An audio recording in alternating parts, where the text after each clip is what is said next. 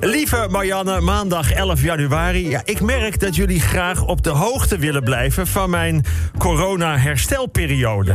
Nou, mijn reuk is weer voor de helft terug, alleen nog lang niet altijd de juiste geur bij het juiste object. Bijvoorbeeld koffie ruikt naar gebakken vis en toiletverfrisser naar kaneel. Dan weten jullie een beetje hoe mijn gasten reageerden op mijn zelfgebakken appeltaart met rozijnen en wc-eend.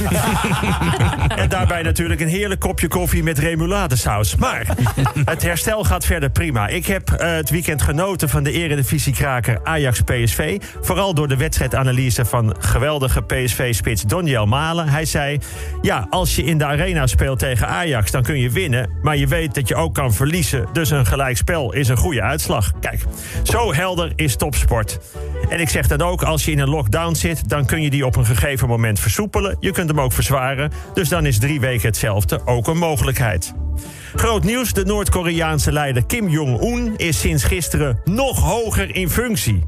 Hij was al het allerhoogst in zijn land, maar daar zit hij nu dus nog boven. Hij mag zich nu algemeen secretaris van de Arbeiderspartij noemen. Hij was al eerste secretaris, maar nu is hij ook nog algemeen secretaris. En, en, en gekozen met 100% van de stemmen. Dat is veel hoor. 100%. Iedereen heeft op hem gestemd. Maar het is ook een uniek persoon. We hebben het er vorige week al even over gehad. En ik heb erna opgezocht wat Kim Jong-un allemaal kan. Het is onvoorstelbaar. Hij werd geboren onder een dubbele regenboog. Kon op zijn derde jaar autorijden. Hij heeft de hamburger uitgevonden. Heeft met golf nog nooit minder dan zeven holes in ones per ronde gespeeld. Een opera geschreven in één dag. De 100 meter sprint gewonnen van twee luipaarden en een antiloop.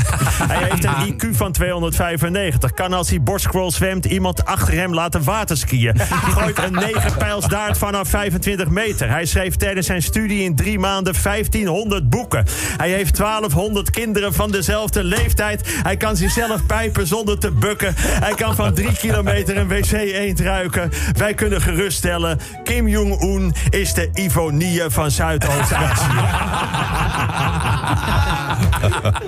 In Spanje is een koude golf. In Madrid ligt een enorm pak sneeuw. In bepaalde gebieden in het noorden werd het min 35 graden. In Spanje, terwijl ze daar niet eens een elfstedentocht hebben. Sterker nog, ze kunnen helemaal niet schaatsen in Spanje. Ja, ze hebben ooit een schaatser gehad, Gomez. Die meedeed op de WK. Die was zo traag. Als onze Hilbert van der Duim al bezig was op de 10 kilometer van de tweede dag... dan was Gomez nog bezig met krabbelen op zijn 500 meter van de dag ervoor. Echt waar, zoek het maar op. En dan zeg ik, geef dat ijs uit Spanje aan ons. Hoewel, wat hebben wij eraan? Hebben we over een paar weken schitterend ijs? Mogen we er niet op? Kortom, ik weet het ook eventjes niet meer. Laat ook maar. Dinsdag 12 januari. De HEMA is boos op Albert Heijn. De HEMA moet namelijk dicht blijven in de lockdown. En de Albert Heijn mag open. En nu doet Albert Heijn badmatten en handdoeken in de reclame. Dat is niet eerlijk. Want dat zijn nou juist echt HEMA-artikelen. Ja, en ik wil niet klikken, maar volgens mij zag ik bij Albert Heijn ook de rookworst en de tompoes in de reclame. En de blokker is dicht en nu juist krijg je bij Albert Heijn pannen voor zegeltjes. Albert Heijn gaat te ver, maar dat doen alle supermarkten. Ik ken mensen die hun auto APK laten keuren bij de Jumbo. Die hebben een bankstel gekocht bij de Fomar. Doen yogalessen bij de Dirk. Een vriend van mij heeft zijn haar laten knippen bij de Aldi. Dan krijg je een doos op je hoofd en dan maakt de tondeuze er een vierkant kapsel van. Tennisser John Isner doet niet mee aan de Australian Open. Want hij wil niet zo lang zijn gezin missen. Wat? Hij zit, net als heel veel mensen, tien maanden de hele tijd met zijn gezin. Mag hij, pak een beet, een maandje naar Australië... om lekker te tennissen en s'nachts stiekem naar een andere kamer te sluipen. Lekker wat andere mensen om je heen... die niet de hele dag aan je kop zitten te zeuren... wat een kleine moeite het is om toch ook eventjes dat op te ruimen. Zit je alweer voetbal te kijken? Niks, geen ruzies thuis... omdat de kinderen jou een stomme meester vinden... die helemaal niet kan uitleggen. En de enige opwinding is er ook niet meer. Want je zit allemaal de hele dag thuis te werken... en heb je daar geen zin om een kaarsje aan te steken... en in je Batman cape aan een lamp te gaan slingeren. Iedereen heeft zin om uit de lockdown te gaan. Behoefte aan iets anders tegen het schofterige aan. Nee, wat zegt John Isner? Ik blijf liever de hele dag binnen bij mijn gezin. Ga toch weg! Voortaan heet bij ons een slappe lul een Johnny. Woensdag 13 januari. Premier Rutte heeft bij de persco gedreigd met een avondklok. Dus dat we s'avonds niet meer de straat op mogen. Dus we mogen dus s'avonds dan niet meer naar een restaurant of een café of een theater of een bier. Oh, wacht even, dat, dat was al.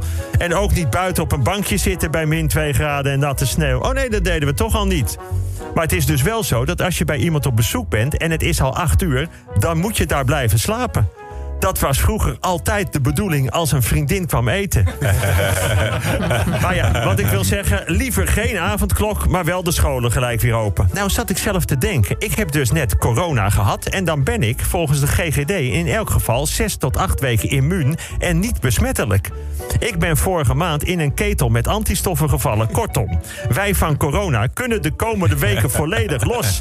Dat is echt van op elkaar en aan elkaar en in elkaar. Ja, dat klopt Nou, dan begrijp ik niet waarom de twee superlieve vrouwen bij de receptie vanmorgen opeens begonnen te roepen dat ik niet zomaar op ze af kan lopen en ze gelijk vol op de bek en de afijn.